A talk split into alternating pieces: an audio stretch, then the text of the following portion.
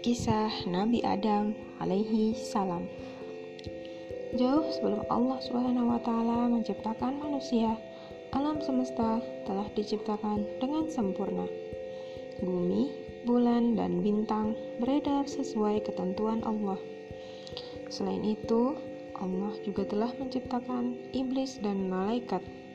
Iblis terbuat dari api, sedangkan malaikat terbuat dari cahaya.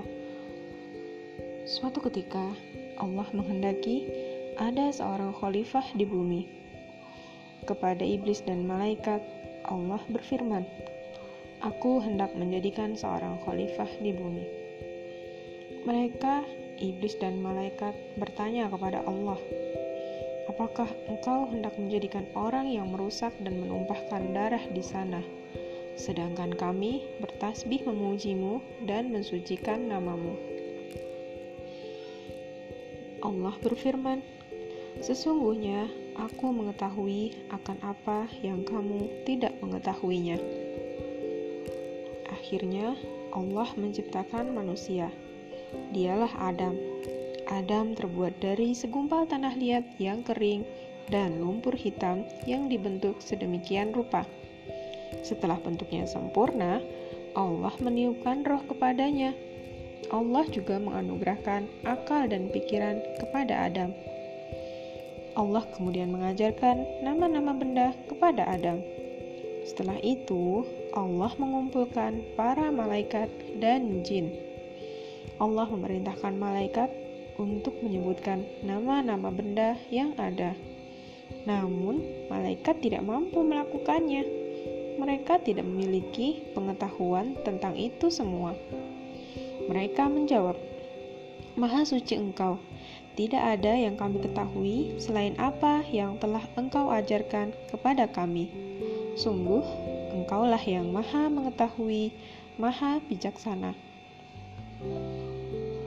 Kemudian giliran Adam yang memberitahukan nama benda yang ada. Atas perintah Allah, Adam pun menyebutkan nama-nama benda yang ada. Malaikat kagum dengan kemampuan Adam. Mereka paham mengapa Allah memilih manusia sebagai khalifah di bumi. Manusia memiliki akal. Oleh karena itulah, manusia memiliki banyak pengetahuan. Atas kelebihan yang dimiliki Adam, Allah Subhanahu wa Ta'ala menyuruh malaikat dan iblis untuk menghormatinya dengan cara bersujud kepada Adam hendaklah kalian bersyukur dengan cara bersujud kepada Adam. Perintah Allah kepada malaikat dan iblis. Malaikat langsung melaksanakan perintah Allah. Mereka bersujud sebagai tanda penghormatan, kecuali iblis. Iblis berasal dari golongan jin yang juga tinggal di surga. Iblis merasa lebih mulia daripada Adam, sehingga enggan bersujud. Aku lebih baik dari dia. Engkau menciptakan aku dari api, sedangkan dia engkau ciptakan dari tanah, kata iblis dengan sombongnya. Maka keluarlah kamu dari surga ini. Sesungguhnya kamu adalah orang yang terkutuk. Sesungguhnya kutukanku tetap sampai hari pembalasan, kata Allah Subhanahu wa Ta'ala.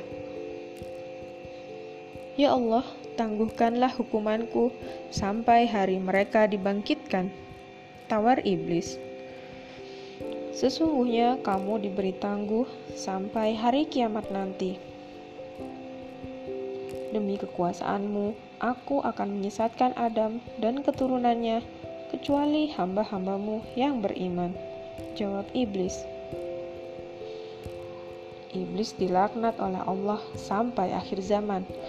Keadaan ini membuat iblis menjadi semakin marah terhadap Adam. Lalu, bagaimana kehidupan Adam selanjutnya?